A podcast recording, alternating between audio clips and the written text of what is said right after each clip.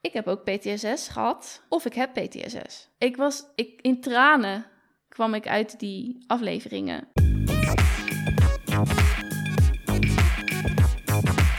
Hey, welkom. Leuk dat je weer luistert naar Dit is 30. Gaia en ik zitten er weer klaar voor. Er wordt nog even wat geluid gemaakt op de achtergrond bij Gaia, maar dat moet echt niet drukken. ik had mijn significant other een tijdframe gegeven van je mag nog drie minuten herrie maken. maar Frank zou Frank niet zijn als hij dan toch. nee, maar dat is toch heerlijk. Ik denk dat trek me nergens wat vandaan. Heel goed ik en terecht. Leef mijn leven en zo, precies. En uh, het is ons, een van onze grootste fans, dus. Dat is waar. What do we do about it? Niks. Nee. Maar uh, hoe gaat het? Goed. Ja, goed. Ik zat even na te denken, maar het gaat eigenlijk goed. Ik zit altijd te denken van waar kan ik nou weer eens over bitchen, maar wow. het weer. Ik kan bitchen over het weer. Oh, het is kut oh mijn god. Ik ben het zo, zo... Maar volgens mij zei ik dit vier weken geleden ook al. Ik Ja. ben het zo zat. Ja. Ik word, er- ik word er, ik, ik, ik weet het niet, maar ik wil gewoon, ik wil gewoon die tuin in, naar buiten, zitten, buiten, koffie drinken, buiten. Gewoon niet dit gekut. Gewoon, ik echt, ik vind het helemaal niks. Ik, oh man, ja, ja. Ik ben echt, ik, ik heb, bedacht ik heb me gevoelige snaar geraakt hier, jongens. en weet je wat het... Dan zie je die app, hè? En dan zie je alleen maar wolkjes met regen en 12 graden. Oh, geen perspectief. Het is een lockdown. Het is alsof het een lockdown is. Relatief kut. Leefbaar, maar ruk. En geen perspectief. Het weer, mensen. Oké, nu jij weer. Nou, vo- volgens mij wordt het volgend weekend wat beter. Oh, ik hoop het. Nee, maar goed, dat, weet je, we waren vanmiddag waren we even eh, het bos ingegaan met een frisbee, een paar badminton rackets en eh, een voetbal. En uiteindelijk eh, na een half uur, echt letterlijk, we stonden net één minuut buiten en het begon te regenen. En we dachten, fuck it, we gaan gewoon door. Nou, toen na een half uur, drie kwartier was het wel echt dat we dachten, ja, zelfs Zeno wilde naar huis. Maar ja, Zeno interesseert het echt gereed of het regent of niet. Dus toen dachten we, nou oké, dan gaan we maar weer naar huis. En toen ben ik maar Ja. koekjes gaan bakken. Ach, wat ontzettend huiselijk. Nou, zeker. Ik voelde me ook echt... Ik heb mijn voorraadkast opgeruimd vandaag. En eh, ja, echt zo'n huiselijke maandag. Want die voelt als een zondag. Maar Ja. we nemen op op tweede Pinksterdag. Ja, Dus eh, we waren vrij vandaag. Dus, eh, dus nee, prima. Maar ja, het weer. Ja, ik heb ook wel zin om gewoon lekker buiten te zitten in mijn tuin. Maar goed, hey, het voordeel wel weer is dat ik de planten geen water hoef te geven. En hoe is het met jou? Even los van je afgezien van het weer. weerbrand. Nee, ik ben ook even naar buiten geweest met de jongens. Dat was de ene die trok eigenlijk vrij vrolijk zijn hele regenpak aan. Mag ik ook mijn regenbroek aan? Ja hoor. En eh, de ander die ging echt, ja, maar die is, kijk, Louis is, hoe noem je dat? Kind of hard-headed. Die Ja, heeft gewoon een idee over die... Heeft gewoon een idee over het leven, of op zijn minst het komende uur. En als dat afwijkt, dan is dat in de breedste zin van het woord niet oké. Is gewoon Ja. niet oké. Dus het hele feit dat hij zijn lievelingsvest aan mocht met een regenjas of zijn winterjas, die hij al de hele winter ook niet leuk vindt. Ik ben erachter gekomen dat hij geel niet mooi vindt. En ik heb toevallig Ah. met een gele streep erin. Dus, maar goed, weet je, hè? winterjas van 50 euro. ehm, je trekt er maar aan. Ja, je gaat... Precies, ja. En het is een hartstikke leuk ding. Maar goed, weet je, oké, fair enough. Eh, volgende keer ga ik het dan toch maar met hem uitkiezen. Hij is drie, ja, hij is drie. En ehm, eh, dus dat was dat. En terwijl de een dus zo in zijn regenpakje een beetje stond te huppen heen en weer, heb ik met de ander een hele ja, strijd gevoerd om het uiteindelijk toch naar buiten te krijgen. Toen waren we buiten. Eh, toen heb ik hem getild. Nou, ook Oh, geen sinecure. Ja, Nee, dat is gewoon 20 kilo. En dat is 20 kilo verspreid over een meter en 5 centimeter. Dus dat is gewoon compact. Eh, dens, zeg maar. Ja. Hè? ja, alsof je een, eh, klein blokje beton, zeg maar... Ja, op je heup zet. ja, Ja. Dus dat was ook even. Maar goed.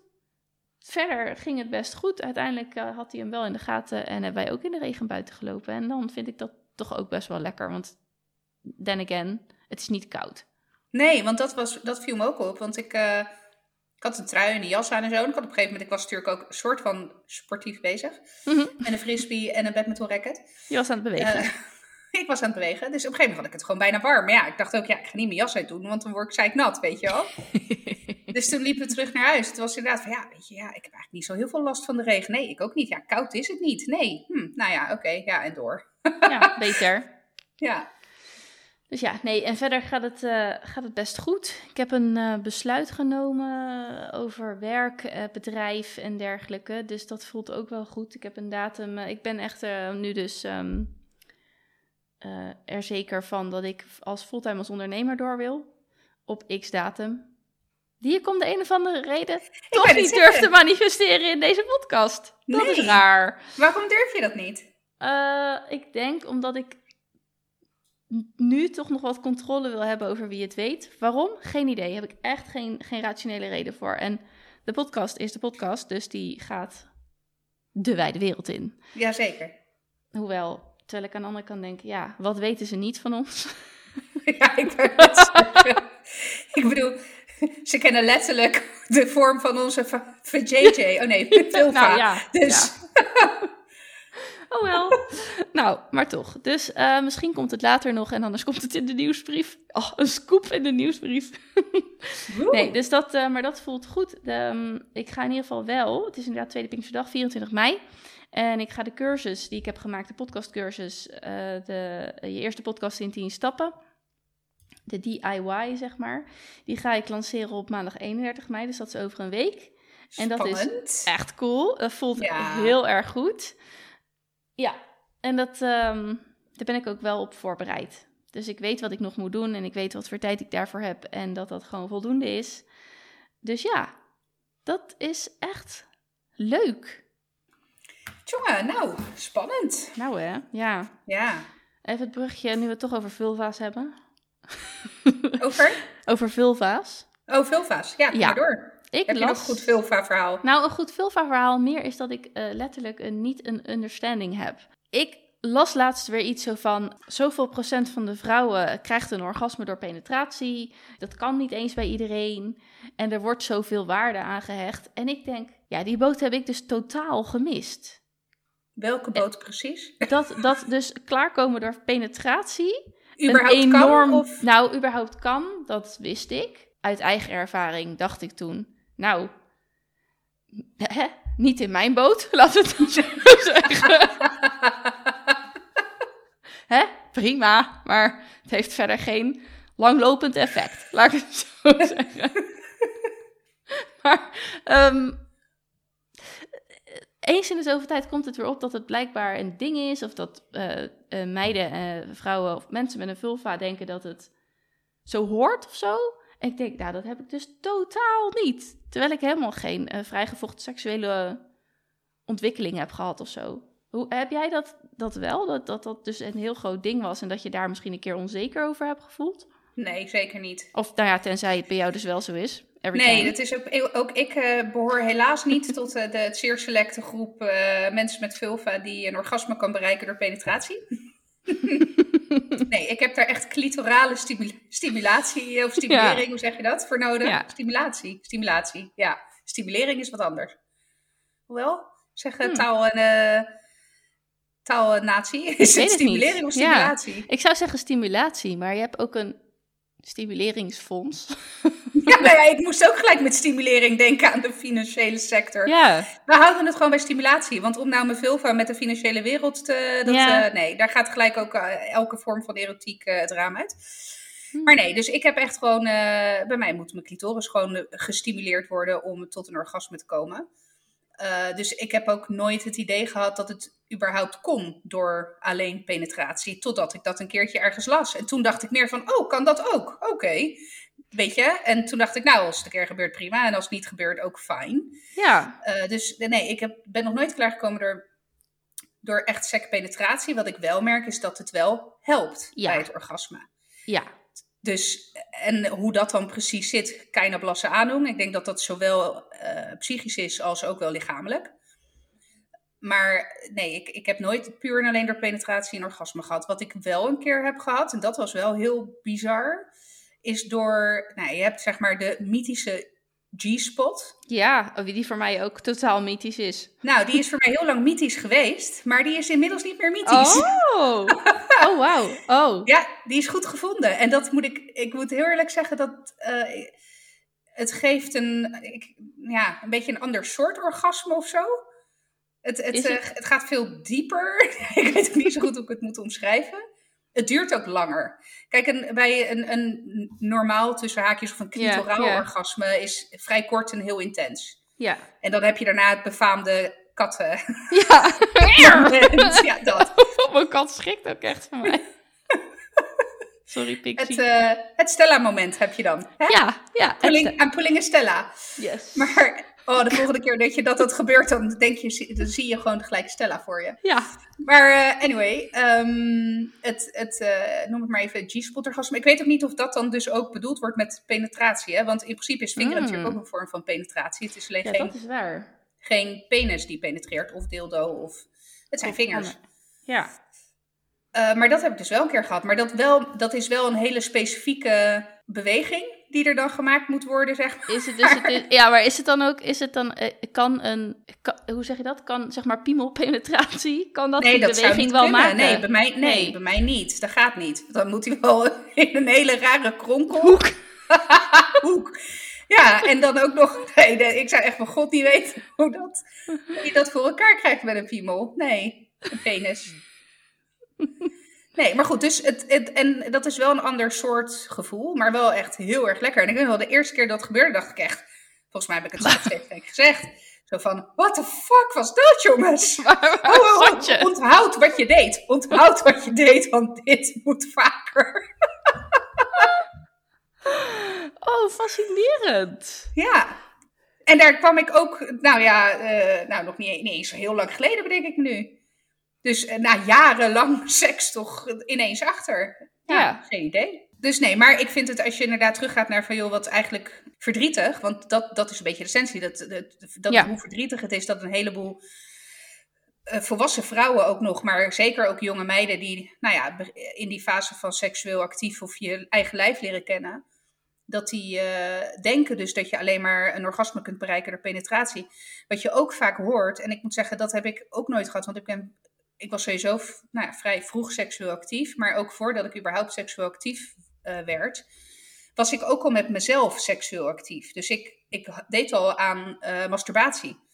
Dus ik had ook al door wat ik moest prikkelen, stimuleren, om eh, dat fijne gevoel wat ik toen nog niet kon benoemen als zijnde een orgasme, maar wel dat soort van spannende, kriebelende gevoel Ja, in mijn buik. ja. Ik, dus ik, daardoor wist ik ook dat dat voor mij de, de, nou ja, de sweet spot was, zeg maar. Ja, ja, dat het daar zat. ja, maar en, Ja. en waarom ik dat dan toen ben gaan ontdekken, weet ik eigenlijk niet. Want heel eerlijk, eh, ik bedoel, eh, we zijn niet oud, maar ik heb nooit echt op internetporno in mijn jeugd gezeten. Want Nee. ja, dat, dat was er, het zal er vast wel eens hebben, het was er vast wel, maar niet... Ik kan me niet herinneren dat ik ooit met mijn vriendinnen, uh, poesies.nl of zo, weet je Nee, wel. nee, maar voor mij was dat ook, porno was echt heel ver weg. Ja, nou voor mij, voor mij ook.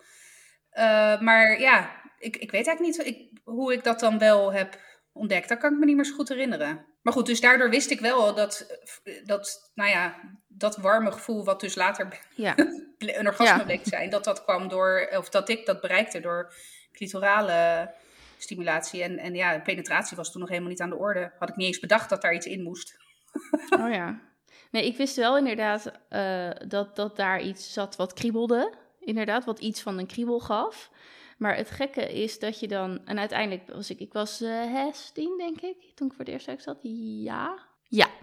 En toch had ik niet het een met het ander, weet je wel... eh, eh, lief als die was, deed hij ook maar wat, zeg maar. En ik Ja. durfde ook sowieso al nergens aan te zitten bij, in zijn bijzijn en weet ik het allemaal. was allemaal heel erg clean en lief. Ongemakkelijk. En heel erg ongemakkelijk, maar ook wel heel lief. En ehm, dus die hele, die hele dat, ik weet niet, dat hele koppeling had ik niet gemaakt van je moet, ja, je moet zeg maar daar zitten, weet je wel, daar. Ja. niet daar, daar, dus zeg maar drie centimeter de andere kant op. Ja. Ja, nee, dat, maar dat hele, maar is het, mm, ja, maar dat, dat, dat, dat het zo nodig is om elke keer te benoemen dat penetratie echt voor, nou, in ieder geval niet de meeste eh, mensen met een vulva weggelegd is als zijnde een oorzaak van een orgasme, ja. fascineert me toch elke keer weer. Ik denk, hoe, hoe, hoe kom je daar dan bij? Maar ja, goed. Ik denk toch ook porno dan of zo. En eh, eh, seksuele voorlichting op school is natuurlijk ook heel klinisch. Ja, Het is echt, nou, ik denk dat daar... ja, anders zou zeggen P in de K. Dat is het. Dat Ja. krijg je. En dan zo word je zwanger. En zo krijg je SOA's. Heb ik SOA's gehad? Ik denk het wel. ja, nee, ik wel. Dus Niet. SOA's gehad, maar les over... Ik heb nooit een SOA ik gehad. ook nog heel les overtuigd. ik ook overtuigd. Ja, ik denk wel.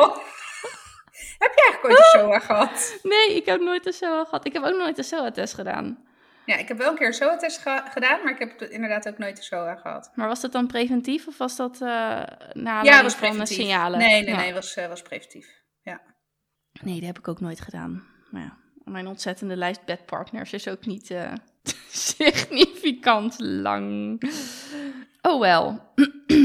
Goed, dat zou ik nog even benoemd hebben. Over tot de orde van de dag. En gaat over tot de orde van de dag. Ja, dus dat zouden we nog een keer opzoeken, hè? hoe dat ging met die emoties. Ja. Ja, daar Oeh, heb ik... heb je, volg je Kautar Bouchalikt? Ik, dat is, Eh, dat is eh, een nieuw niet- Tweede Kamerlid namens GroenLinks, geloof ik, hè? Ja, met hoofddoek. Ik heb eh, een filmpje van haar voorbij zien komen op LinkedIn, terwijl ze een speech gaf. ja, ik de heb hem alleen niet... Oh, daarmee een speech. Ja, ik heb, ik heb er alleen niet... ehm, ik heb alleen niet... Ik heb hem niet gezien, maar omdat ik daar geen tijd voor had. Maar ik zag hem wel langskomen. Toen dacht ik, oh, daar wil ik nog wel... Want er waren heel veel reacties op. Ik, ik volg haar dus omdat ik haar vibe wel leuk vind. Of dat wel leuk is dan eh, niet, eh, dat dekt niet de lading. Ze had dus ook een filmpje geplaatst van haar maiden speech. Daar was ik van onder de indruk. En wat ik dan, wat ik echt niet meer kan snappen, is dat iemand, dat een collega uit de Tweede Kamer dan tweet Get Verderry.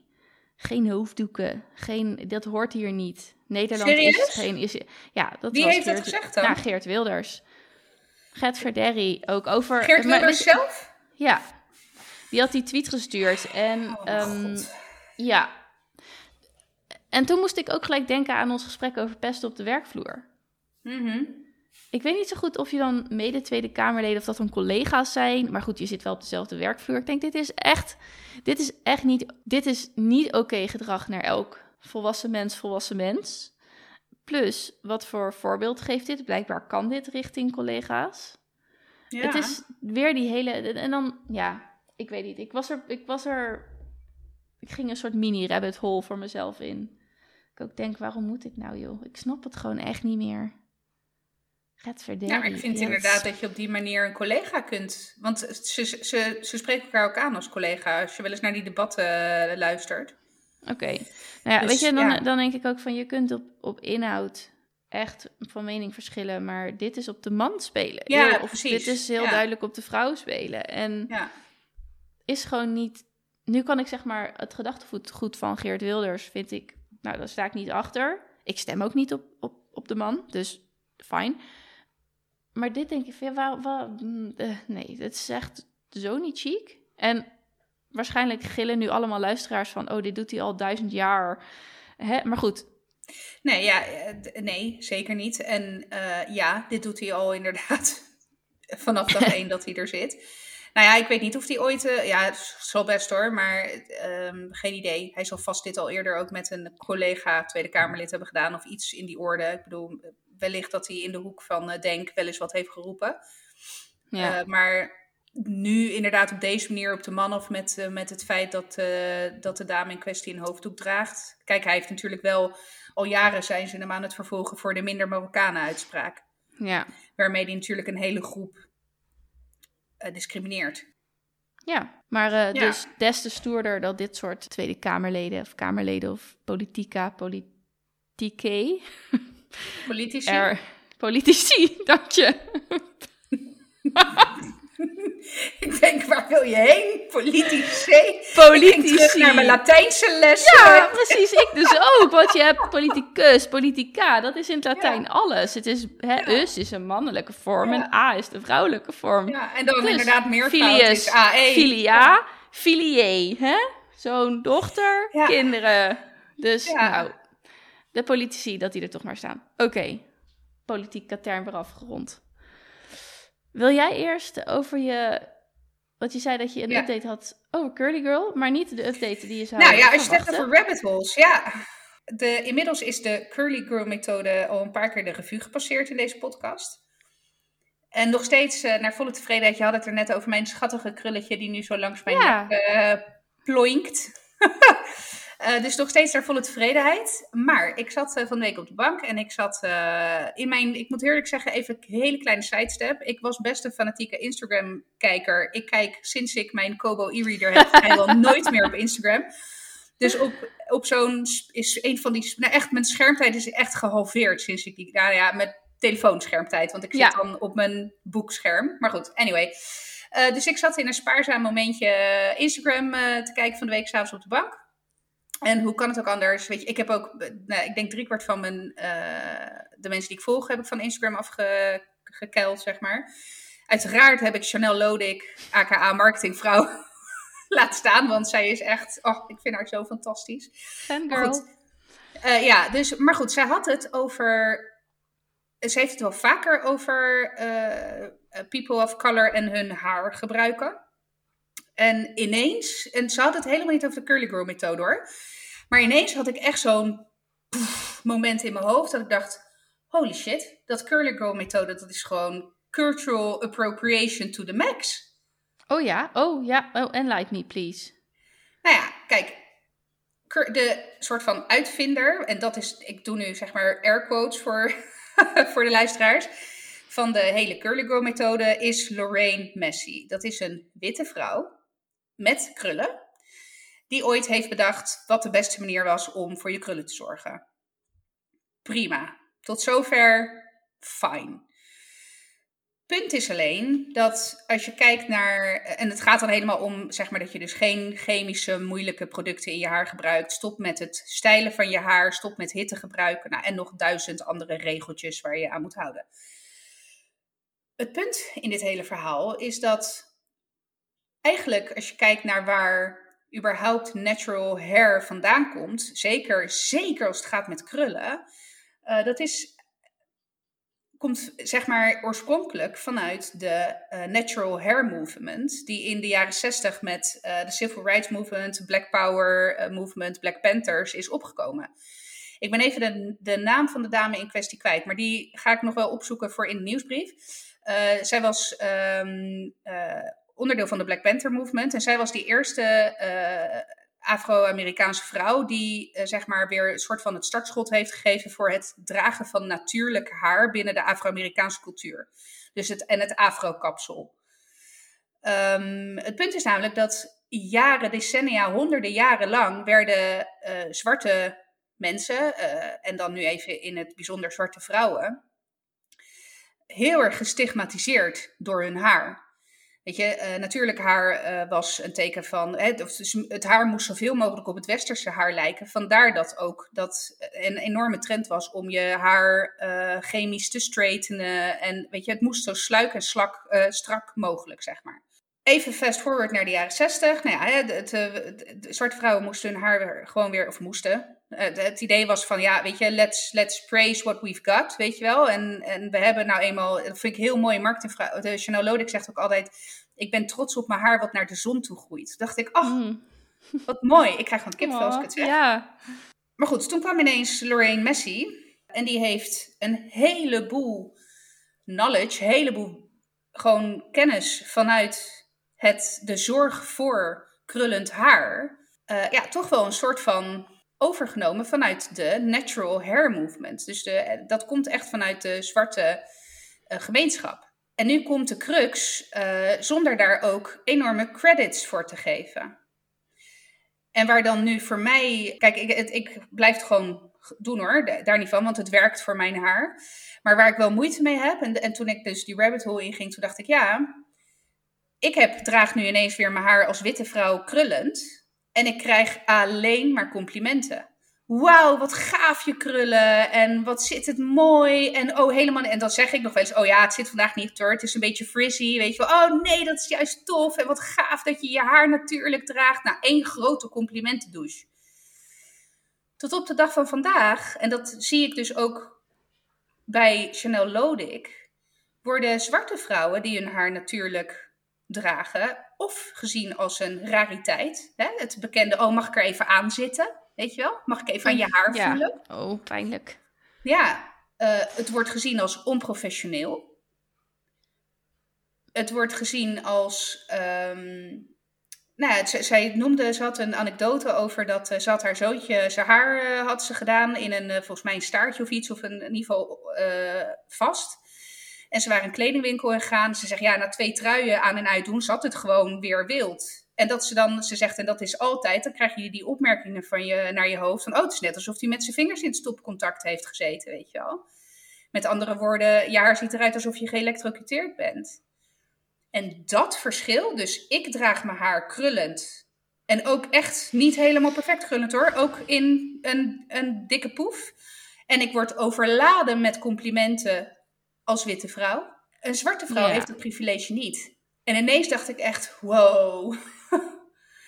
Het is een beetje eh, vergelijkbaar met dat hele body positivity movement. Hè? Dat komt natuurlijk ook vanuit de zwarte vrouwen en is completely Ja. co-opted door de witte vrouw. En nog gemonetized ook. Dat Ja, het gewoon hetzelfde geldt voor die curly girl. Die Lorraine, Marcy, eh, eh, Lorraine Messi. Die heeft er bakken met geld aan verdiend. Bakken met geld. Terwijl het kennis en ervaring is van generaties zwarte vrouwen waar zij nu op teert. Ja. Dus het, ik, ik, toen ik me dat realiseerde, en ik, ik schrok er in eerste instantie ook van, omdat ik me dat nog tot op dat moment nog helemaal niet erbij stil had gestaan. Als je dan hebt over die blinde vlek en die white eh, fragility en nou ja, hè. Dus dat was voor mij wel een momentje dat ik dacht, nou volgens mij zat ik echt letterlijk op de bank en zei ik hardop ineens, holy shit. Dat was echt een soort Ja. van boom in mijn hoofd. En niet dat ik nu, ehm, want ik ging dan ook mezelf gelijk denken van ja, moet ik dan nu ermee stoppen, weet je wel? Want hoe zit dat dan, hoe, waar sta ik dan in dit verhaal? Ja. En toen dacht ik wel van ja, nee, ik ga er niet mee stoppen, maar ik ga het wel benoemen. En ik weet nu ook waar ik deze kennis aan te danken heb. En dat is niet aan alle honderden YouTube-filmpjes met witte vrouwen voornamelijk, die die hele curly girl methode uitleggen. Nee, het is aan de ancestors way before that van kleur, waarin ik nu de vruchten pluk voor mijn krullende haar. Dus ja, dat was wel. Nou ja, ik, ik, ik werd in eerste instantie heel verdrietig van, want ik denk, Jezus, weet je, weer zoiets wat wij als witte mens compleet hebben Ja. overgenomen. En, zonder, en dat is nog het erger, zonder dat daar wijdverspreide credits aan de zwarte gemeenschap voor wordt gegeven. Vooral dat. En ook het feit, dus tot op de dag van vandaag, dat mijn haar wordt overladen omdat ik krullen heb met complimenten. En bij een zwarte eh, vrouw, man, kind is het onprofessioneel, is het nou ja, hè, vingers in stopcontact. Ja, dus dat. Dus dat wilde ik wel. Ja. Toen dacht ik, nou, ik heb een platform waarop ik mijn gedachten kan Ja. Dus dat doe ik dan. Ja, nou, ik ben er ook echt stil van. Ik, eh, ik vind het, ik vind het, ik, eh, wat mij vooral inderdaad bijblijft, is het feit dat het haar van het zoontje van Chanel dus reden geeft om grappen over te maken. En dat vind ik, dat is zo'n gewaarwording die je moet. En net als ik had, eh, maar dat, was, e- dat is echt al een paar maanden geleden, dat ik een collega van mij, dit is een, eh, een, ehm, een witte blonde vrouw. Die eh, had voor mij een foto gemaakt met iemand met wie ze samenwerkte. En dat was een, ik wil zeggen Marokkaans, Marokkaanse vrouw. Maar nu ben ik weer, omdat ik het niet zeker weet, eh, ge- getint. In ieder geval MENA, Middle Eastern, North African, zeg maar. Mhm. Ehm, de, en ik maakte gewoon het grapje, wat ik gewoon standaard al heel lang maak. Oh, jullie zijn wel leuk duo Panotti op die, Oh god, ja. op die foto. En echt, nou niet een seconde, maar echt een kwartier daarna dacht ik echt... Oh, dit voelt zo niet goed. Dus heb ik ook, maar dat grapje maakte ik zeg maar tegen mijn collega, de, de witte collega. ja. En ik zei, oh, dit is iets, dit, ik zie dit nu staan. Ik voel me er zo ongemakkelijk over. Ehm, ik wil het terugnemen. Eh, weet je, ik moest daar toch wat over zeggen, een soort van recht zetten. ja. Maar het zijn die, het zijn die grapjes die je zo ondoordacht maakt of die er zo zijn ingesleten. Terwijl dat voor iemand anders, terwijl ehm, de, de, zeg maar de persoon van kleur die op die foto staat niet eens weet dat ik die, die, die kansloze grap heb gemaakt. Maar dit is, dit moet je, hier moet je je zo bewust gaan, van gaan worden van het is gewoon niet, het is gewoon niet aardig. Het is niet oké om iemand die er al last van heeft of die er al mm, hinder is niet het goede woord, die er inderdaad al belemmer. Hij wordt erdoor belemmerd in zijn kansen. Ja, Ja, ja. in zijn opportunities. Ja, om, eh, om dan vervolgens ook nog eens een of ander flauw kutgeintje erover te maken. Maar eh, ja, ik kan me voorstellen dat dat een behoorlijke indruk bij je achterlaten, achterliet.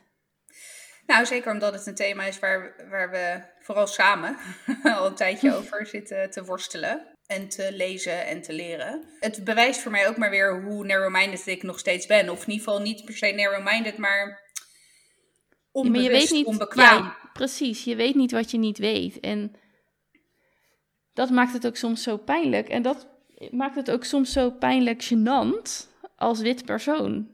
Dat je dus, Ja, je weet, je denkt dat je on top of the world bent. Maar wat, Ja. echt, wat do you know? Ja. You know nothing. nee. Echt. Game of Thrones all over. You know nothing. Ja, dus nou ja, dat was mijn rabbit hole momentje van de week. Ja. Dus dat. En trouwens, een manier, nee, daar wilde ik nog even, een manier waarmee ik wel, wat ik toen al wel had bedacht, is ik ga nu wel opletten op de producten die ik koop voor natural hair of voor curly hair. Eh, als zeg maar de, de productspecificaties die ik nodig heb, dan ga ik kijken van, hey, zijn er bijvoorbeeld black-owned businesses die dat Oh ja. eh, verkopen? Eh, of eh, black, black-owned ehm, eh, merken, zeg maar. En dan, dan kijk ik ook nog tegenwoordig van, joh, ja, haal ik het bij het kruidvat? Of kan ik het voor dezelfde prijs, of misschien wel een eurotje duurder, bij inderdaad een small black-owned business kopen? Weet je, dat zijn nu wel de dingen waarvan ik denk, oké, op die manier heb ik dan toch het idee dat ik daar een soort van invloed op kan uitoefenen. De producten koop ik toch. Nou, laat ik dan ook bewust een keuze maken aan wie ik dan die euro's geef. Dus die wilde ik dan nog even als tip. Weet je, mocht je. Ja. kijk dan of je, of je het bij een black-owned business kan, eh, kan kopen. Ja, sowieso probeer ik eh, dingen als bol.com zoveel mogelijk te omzeilen nu. Ja, Maar dat is een ander. eh, dat, dat, is een, dat heeft niet alleen te maken met black-owned businesses of women-owned businesses, maar meer van.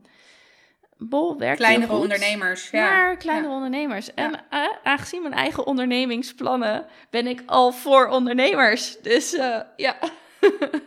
Je weet dat ik fan ben van Oprah. Hè? Zeker. O- Oprah is mijn dat is jouw eh, stip aan de goal in life. Ja. Ja. Oprah.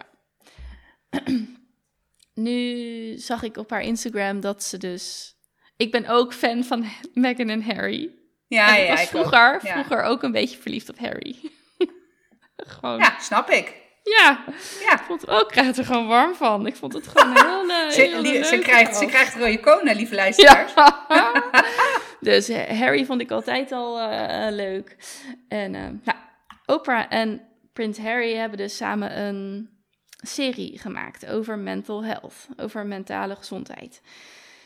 Die kwam op Apple TV Plus. En omdat ik een relatief nieuwe iPhone heb, kwam ik er ineens af. Want ik dacht, ik, ik moet die serie zien. Ik moet die serie zien. Ik bedoel, hallo, twee van mijn eh, nou, idolen. Dus ik ging die serie kijken. Het is op Apple TV Plus. Ik ging dat opzoeken en ik denk, nou, desnoods neem ik een free trial. Ik kijk even hoe duur het is. Misschien staan er meer interessante dingen op. Blijk ik dus een jaar lang gratis Apple TV Plus te mogen nemen. Omdat Is dat ik een zo? rela- relatief nieuwe iPhone heb. Dus Oh, jij ik heb ook een relatief nieuwe ja, iPhone. Het staat gewoon letterlijk in je instellingen-appje. Oh, nou, ik ga eens Eh, kijken straks. Ja, precies. Dus, en dan is Apple TV Plus downloaden en dan komt het dus vanzelf ergens naar boven bij mij. Dus ik dat gedaan en ik heb nu drie afleveringen gekeken van de vier. De serie heet The Me You Can't See. Dus de, de ik die je niet kan zien. en gaat echt over mentale gezondheid. Waarbij Oprah dus vertelt over haar jeugd. eh, Prins Harry zelf ook vertelt over zijn jeugd en de trauma's die hij dus als kind heeft opgelopen en die dus in zijn mentale gezondheid zijn gaan werken. Uiteraard gaat het ook over de dood van zijn moeder. Maar het gaat ook over andere zaken. Zoals dat hij zei, ik ben altijd... Elke dag zette mijn moeder ons in haar auto... en moest door een haag van mensen. Ja. Elke dag. Elke dag. Op het moment Ja, dat ze je die dat auto stapte... Nee, Ja. en toen, je, ziet, je zag ook wat beelden en toen dacht ik... Oh jezus, dat was, dat was echt heel erg. Je maakt het, iemand het leven gewoon onmogelijk. Eh, dus nou, elke dag en flitsen, klik, klik, klik, klik. Dus hij zegt, al vanaf hele jonge leeftijd voelde ik mij vooral heel machteloos en heel opgesloten. Omdat ik altijd, weet je wel, maar onder die, die camera's en in die... Je wil gewoon, als je als kind, wil je huppelend naar de auto. En wil je discussie hebben over wie er voorin mag zitten? Dat zegt hij niet, maar zo zag ik dat helemaal voor me. Ja. Ik denk, als ik nu naar de auto loop met mijn kinderen, dan is het wie mag er links, wie mag er rechts. Nou, ze hebben nu stoeltjes, dus ze zitten gewoon ergens. Maar weet je, eh, mag ik dit meenemen? Bla bla bla, huppel huppel. Wie is er het eerst bij de auto? Ja, gewoon de- dit. Dus dat soort gevoelens die, je als kind, die hij dus als kind al heel erg had ontwikkeld. Dus de hele klikken van camera's triggert bij hem natuurlijk heel erg veel. Voelde zich altijd erg ongemakkelijk, ook in de koninklijke familie. Eh, uiteindelijk uiteraard natuurlijk zijn, zijn moeder verloren, waar niet zo heel veel over gepraat werd. En dus ze hadden het dus heel erg over die, die trauma's en wat het dan heeft gedaan. En, en toen kwamen er ook wat beelden. Hij zegt, en ik zweette altijd heel veel. Ik werd, kreeg het gewoon warm. Mijn, ik had een lichamelijke reactie, dan moest ik die auto uit. En dan, weet je wel, dan, dus je zag ook echt beelden. Had ze natuurlijk ook zo uitgezocht dat hij echt zo flastert. Gewoon met Ja, met uh, rode konen, rode zeg maar. konen. Ja. En hij zegt, ik zocht altijd, de, en dan zweet ik. En hij zegt, één zweetdruppel. En ik, dit, ik had het idee dat ik gewoon, weet je wel, dat dit was pouring down. Ja. Terwijl één zweetdruppel, ja. En dan zegt hij, dat, eh, zocht ik, al- was ik altijd heel blij als ik iemand mocht spreken. Of als ik iemand te spreken kreeg die meer zweten dan ik. Dan werd ik daar rustig van. ja. Omdat ik dacht, weet je wel, ik denk, ach jezus. En dan moet Ach, je elke dag ja. weer opstaan en dit doen, hè. Dus dat heeft heel veel met zijn mentale gezondheid gedaan. En hij kreeg toen een relatie met Megan en toen kwam het echt naar boven. Dus hij zegt, toen merkte ik echt, en zij zei ook van, je bent boos. Zit boosheid. En hij zegt, ik was niet boos op haar, maar ik was gewoon boos. En toen is hij dus in, in therapie gegaan en dat doet hij dan nu zo'n jaar of vier. En nou, daar ging het over. Ik vond echt dat hij heel, zich heel kwetsbaar opstelde. Oprah ook, die heeft ook verschrikkelijk echt ja, die heeft Nou, echt een klote jeugd echt gehad. een ja, klote echt jeugd. Met Echt hoofdletters alles. geschreven. Gewoon ja. eerst ja, mishandeld. Toen ging ze naar de moeder die ze niet kende. eh, en dan moest ze de eerste nacht, zei de vrouw waarbij die moeder in huis woonde... nou, dit kind met zwarte huidskleur, dat komt mijn huis niet in. En dan ben je zes en dan zegt die moeder... oké, eh, lieverd, nee niet lieverd, weet ik het... eh, Oprah, jij slaapt vannacht hier buiten on the porch. Ja. Ja. Kan je je voorstellen ja, dat je dat dan- Nee, Ja. onvoorstelbaar. Ja, en dan ook nog zeg maar op van 9 tot 12 jaar misbruikt worden door je neef. Ja. Nou, dat. Dus daar ging het over. Maar er kwamen ook heel veel andere mensen aan het woord. Mensen die ik niet, niet echt kende. Maar bijvoorbeeld ook iemand, een chef Rashad. Dat die heeft... Dit was niet Masterchef, maar die heeft een vorm van Masterchef gewonnen. Eh, Lady Gaga kwam ook. Oh. Vond ik ook... oh, die heb ik ook heel hoog zitten. Ja, die was ook echt... Ik hing aan haar lippen. Het is verschrikkelijk ook wat er met haar gebeurd is. Want zij Ja. moest dus... eh, zij was 19, zat in de muziek. En toen zei de producers... Je moet je uitkleden. En toen zei ze, dat doe ik niet. Ging ze weg. En toen zegt ze... De, ze dreigde al mijn muziek te verbranden. En ze bleven het maar zeggen. En ze bleven het maar zeggen. En ze bleven het maar zeggen. En uiteindelijk heeft ze dat dus gedaan. Is ze verkracht. En zij was een paar jaar geleden, moest ze haar tour stopzetten omdat ze onverklaarbare lichamelijke pijn had. Ja. En toen werd ze dus eh, diagnose, uiteindelijk werd PTSS gesteld. Nou, ik heb ook PTSS gehad, of ik heb PTSS. Ik was, ik, in tranen kwam ik uit die afleveringen.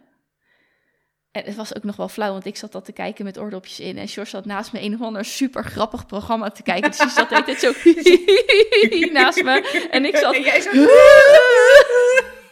En ik was... Ik Ja. en dan, dan, dan, dan is het toch, hè, hoe goed je relatie ook is. We kwamen niet nader tot elkander Nee. op dat moment. Nee, ik kan me er iets bij voorstellen. Nee, ik werd er echt door getriggerd en door geraakt. Door het hele PTSS-verhaal van diverse mensen. Want niet alleen zij, er werden nog meer mensen aan het woord gelaten. Ik kwam ineens tot de realisatie dat ik het... Of ik heb het nog en het gaat nooit meer weg. Of het heeft me beschadigd en het wordt nooit meer zoals het vroeger was. Dat vond ik heel heftig om het te realiseren. Want hoewel de symptomen zich meer dan significant verminderd zijn eh, eh, sinds dat ik zeg maar het heb aangepakt, ben ik nog moet ik, ik zeg ik, vertelde het aan George, ik zeg ik heb ik moet kunstmatig veel in de stijgers zetten om mijn dag door te komen of om mijn leven te leven, om alle dingen te doen die er moeten gebeuren. En nog steeds heb ik niet het gevoel dat ik het helemaal onder controle heb. Dat ik denk, nou, ik denk het niet letterlijk, maar vandaag ben ik doorgekomen. Relatief goed. Morgen zal ook wel prima gaan. Maar ik heb gewoon geen idee hoe ik mijn. Het, het, heel in het begin was het zelfs zo, dan had ik om kwart over drie een afspraak en dan kon ik niet stoppen met daaraan denken de hele dag. Dat liet me niet los, omdat ik niet de zekerheid had dat ik het ging onthouden of zo. Ik, ik, kon, niet, ik kon niet goed plaatsen dat kwart over drie om kwart over negen pas over zes uur was. Dus dat ik heel veel andere dingen nog kon doen. Ik kon nog uitgebreid lunchen en dan pas hoefde ik na te denken over die afspraak. Dat lukte was niet. Dat zowel werk als privé? Voornamelijk werk. Dat is een stuk verbeterd. Maar er, er leeft in mij nog steeds een gedeelte van dat gevoel. En dat manage ik door allerlei trucken uit te halen.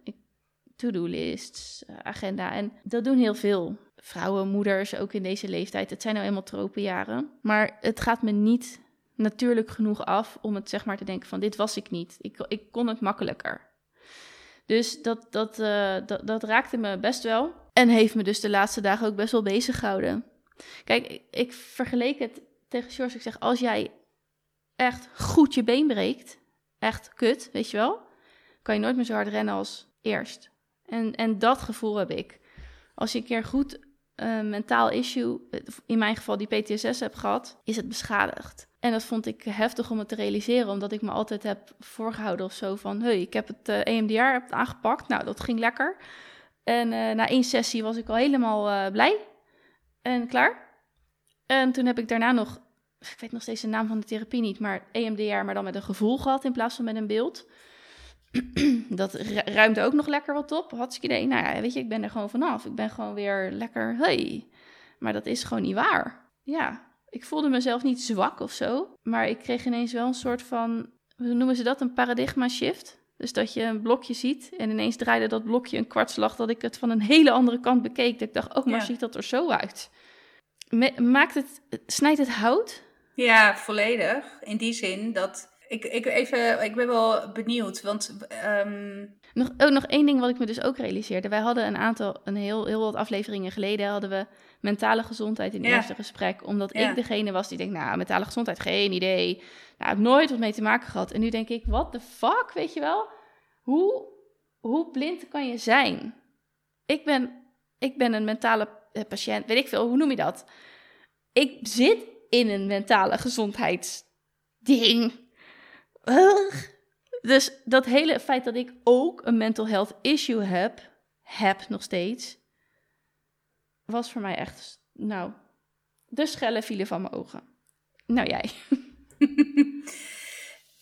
Ja, nou ja, ik, ik ben wel. eh, want dit zie je denk ik heel vaak. Zeker als het gaat om traumaverwerking. Want je hebt van iets heel concreets last in je dagelijkse leven. Nou, je hebt het aan wat je zelf ook aangeeft. Je hebt het aangepakt. En ik ga door met mijn leven. Kijk, voor mij is mentale gezondheid een continue work in progress ik heb er ook al, want ik heb ook al echt heel lang al geen therapie. Terwijl ik voorheen best wel therapie heb gehad. En ik zit daar best wel eens aan te denken van, waarom ga ik niet eens gewoon, weet ik veel, eens in de maand, eens in de zes weken, weet ik veel, met een coach, psycholoog, whatever praten. Om gewoon, weet je, ja, heel eerlijk, om fit te blijven fysiek moet je ook iedere dag eigenlijk exercisen. Of op zijn minst een paar keer per week. Zo werkt dat natuurlijk ook gewoon voor je mentale gezondheid. Dus het feit dat je jezelf dan nu ineens nog ziet als mental patient of in ieder geval iemand met een mentale issue, whatever, wat voor label je er dan ook aan plakt. Uh, ik zou zeggen, uh, je ziet jezelf als uh, work in progress. En ik denk dat dat de rest van je leven zo is. Want niet alleen blijven ervaringen zich nieuw opdoen, zeg maar, in je leven, maar jouw eigen ik verandert ook met de jaren. Dus bepaalde gebeurtenissen of bepaalde gedachten die je hebt in een bepaalde fase van je leven, die groeien met jou mee. Het perspectief wat je hebt is nu misschien wel heel anders op een bepaalde gebeurtenis dan vijf jaar geleden. En het kan zomaar zo zijn dat misschien juist nu die gesprekken die je dan hebt gezien met uh, in dit geval Harry en Oprah, inderdaad wat je zegt over dat, dat, dat die shift, zeg maar, dat jouw perspectief met de jaren ook is veranderd. En dat je ineens misschien wel iets aanraakt waar je toen nog niet bij kon. Of wat misschien toen nog wel helemaal niet speelde. Maar met het feit dat je nog vijf jaar extra ervaring hebt. Dat nu ineens toch ergens nog sluimert of zo. Ja, ja, want ik kan echt niet zeggen, ik doe een uur langer over plannen dan ik normaal, eh, normaal gesproken, dan ik, dan ik voor mijn, uh, mijn traumatische, want het ging voor de luisteraars, uh, ik heb een traumatische bevalling gehad, mijn eerste bevalling. dus ik kan niet zeggen, ergens echt zeggen van, nu is gebeurt er dit, nu moet ik zoveel plannen, dat, dat had ik toen niet. Sowieso is het mijn leven inderdaad van nu niet te vergelijken van voor kinderen, maar ja, ik voelde me veel zekerder of zo over, over, de, over de toekomst. In die zin, over de dingen die moeten gebeuren, die, die ik wil dat er gebeuren. En nu blijft altijd, ik, ik doe het wel en ik zet het in de stijgers, maar de basis is er niet. Dus het staat nog steeds op zand. Het staat best stevig, maar ik kan er niet helemaal op vertrouwen. Dus misschien check ik het dan veel vaker. Dus dat, dat kan ik niet helemaal pinpointen. Ik ben best een gevoelsmens en mijn gevoel zegt dit. Dus daar zit het hem wel in. Ja, ik noem het dan nu even een beschadiging, omdat ik nu ook in die, in die denkmodus zit. Mhm. Ehm, ik ben gewoon beschadigd door wat ik heb meegemaakt. Dat is behoorlijk slag geslagen. Maar eh, ik, ik weet niet of het. Stond dat daar? Of stond dat, had ik dat later opgezocht? Mensen, er zijn ook mensen die ook zeggen: PTSS is niet te genezen. Mhm. Volgens mij zei eh, Lady Gaga of nou, Stephanie dus ook. Mhm. ehm, het is niet een virus waarvoor je een pilletje neemt of een pleister plakt of een behandeling start, waardoor je lichamelijk probleem. Het, is zo anders. En zij zei ook, heel veel mensen denken, oh dat vond ik ook, dat, dat, dat raakte me ook. Heel veel mensen denken, ik heb een mentaal probleem. Oké, ik heb het geaccepteerd. Nu ga ik het me genezen. En dat is één rechte lijn naar boven. Maar zij zegt, dat is helemaal niet waar, joh. Je gaat links en rechts en weer heel weer terug en weer naar beneden. En, je staat stil, je, gaat, je gaat, maakt ineens sprongen. De genezing van een mentaal probleem is niet lineair. Nou, zo heb ik het altijd wel gezien. Terwijl op het moment dat zij dat zegt, denk ik, ja, fuck, nee, dat is ook helemaal niet waar. Maar het is het enige wat je kent. Dat je iets mankeert en je Ja, gaat en in één rechte lijn naar herstel. Nou ja, en zeker denk ik met zoiets als PTSS, omdat bij jou, en dat is ook natuurlijk de essentie van de EMDR, is dat je heel erg teruggaat naar dat specifieke moment en dat een plekje geeft. Dus dat is dat stukje trauma, hè, wat je verwerkt. Maar het stukje stoornis inderdaad, ja, ik heb ook geen idee hoe dat werkt, want ik heb geen PTSS. Dus ik, ik durf daar ook niet, ja, weet je, kijk, vraag me dingen over eetstoornissen, I'm there. maar met PTSS vind ik dat lastiger, eh, omdat ik dat, ja, ik heb, het, ik heb het niet, voor zover ik weet. Nee. Ehm, dus ik, ik vind het ook lastig om daar, om daar dan inhoudelijk iets van te vinden. Maar ik, het snijdt zeker hout. Want, nou ja, wat ik al zei, dat stuk E EMDR, E- EMDR is dan misschien, nou ja, zo gezegd, eh, eh, het tourniquet om de slagaderlijke bloeding te stelpen. Maar het hele genezingsproces, het hele trauma-stukje, en eh, of eh, sorry, het hele stoornissen-stukje, dus de processen en de gedachtenschema's in je hoofd die daarmee gecreëerd zijn, Ja, Kijk, die, die, je volgt die route misschien niet meer als je je kind nu hoort huilen. Ik zeg maar wat. Hè? Een, een formale, voor, voorheen een, een, een hele heftige trigger. Zo. Ja, nee, I know. Dus, weet je, en die, dus die hele stoornis-gedachteproces volgt misschien niet meer die trigger. Maar het hele gedachteproces aan zich, die overlevingsstrategie die je zelf eigen hebt gemaakt om iets moeilijks te aan te kunnen, ja, die zit er inderdaad nog. En de vraag is in hoeverre inderdaad je dat ooit helemaal terug naar normaal krijgt. De vraag is ook, wat is dan terug naar normaal? Ja, Ja, want je geeft aan, ik heb het gevoel dat mijn stelling op zand staat. Maar is het dan niet zaak om inderdaad te kijken van, hé, hey, is dat echt zand? Of is het alleen mijn perceptie dat het zand is?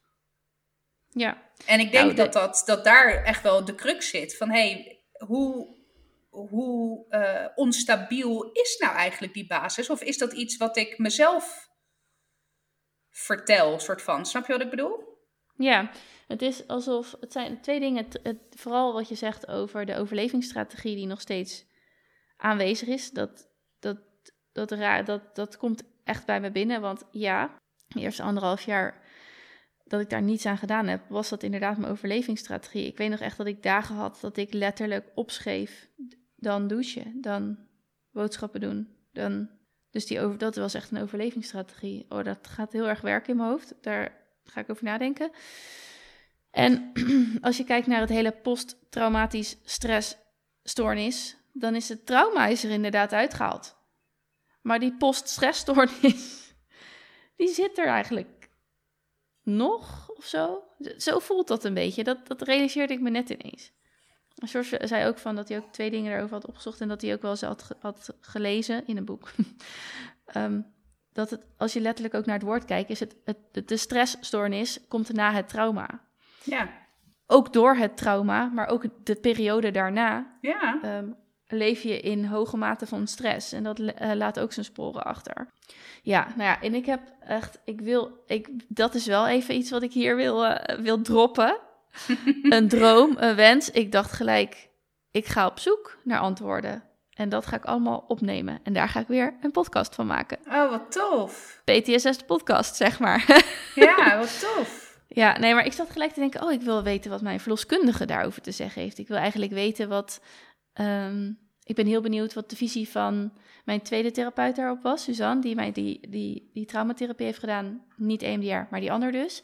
Ja, Wat zij erover zegt. Als ik dit, met dit verhaal kom. Ik heb wat mensen gegoogeld. Er is een hoogleraar op gebied van PTSS, een dame, Miranda Olf. Ik denk, oh, dat zou gaaf zijn als ik haar hierover kan bevragen. Er is ook een hoogleraar, Erik Vermette, die heeft gezegd dat eh, MDMA goed helpt bij de behandeling Ja, van PTSS. nee, klopt, ja. Vond ik fascinerend.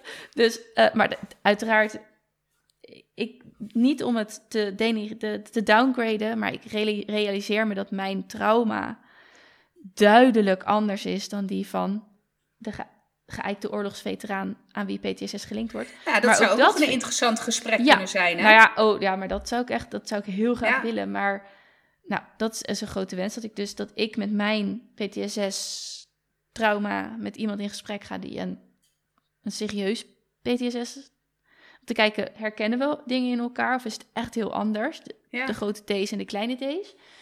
Eh, juist omdat de, het woord PTSS dan denken mensen gelijk aan oorlogsveteranen ja, ja, dat is ook die eerste. uiteraard ook zeg maar het verdienen. Want er zijn vrij veel oorlogsveteranen met een hele heftige vorm van PTSS en het hele leven stort in.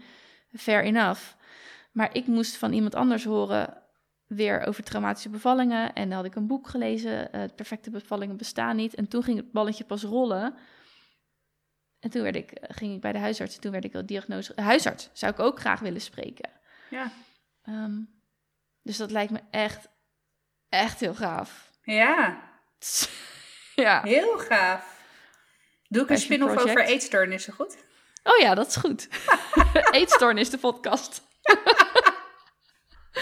nee, maar gewoon, het is, dat, dat, dat zit dus nu onwijs stevig in mijn hoofd. Ja, gaaf.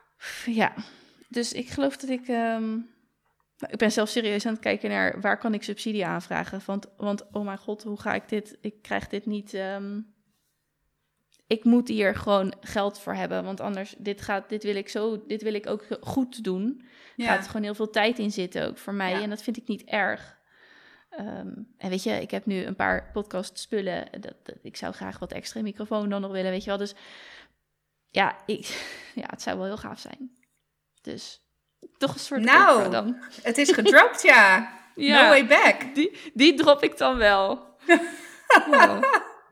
Weet je waar ik echt een hele size heb hoor, maar ik zit dit verhaal te vertellen en ik zit alleen maar naar mijn eigen camerabeeldje te kijken. En dat realiseer ik me nu. Normaal gesproken, alsof ik een monoloog aan het houden ben. Ik ben ook helemaal best wel flustered inderdaad. Niet alleen, het was niet meer van Harry, maar gewoon door het hele verhaal. Ja, Oh, dat, wat een vreemde gewaarwording van mezelf, dat ik dan blijkbaar alleen mezelf aan het aankijken ben en niet jou. Vind je dat dan, vind je, dat is nu een aanname natuurlijk hoor, maar is dat wel, vind je het dan, omdat het, nou, het is best wel een persoonlijk verhaal en ik, nou goed, nou hebben wij heel vaak wel persoonlijke verhalen, ook even los van de podcast met elkaar gedeeld, ook de minder leuke dingen van het leven, om het maar even Ja.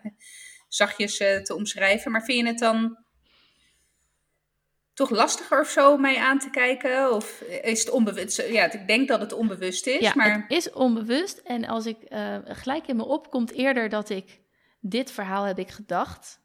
Ik heb het deels gedeeld met George. En ik vertel het nu voor het eerst in één stuk door. Ook tegen mezelf. ja, Dus het is eerder dat ik het naar Ja. mezelf zit te vertellen van... ja, dit zit in mijn hoofd, dit klopt. wat Dus, nou therapie, ja. gewoon een wekelijks uurtje podcast is al therapie. Precies, ja. Ja, tof, tof idee. Echt heel tof idee. Denk ik ook. Dus als er bij onze luisteraars nog iemand met wat geld over zit. Wellicht dat er een crowdfunding komt binnenkort. Maar uh, nou ja, we zien het wel. Nee, geintje. Nee, toch niet helemaal. Maar toch wel een beetje. Ja, dat was hem, denk ik.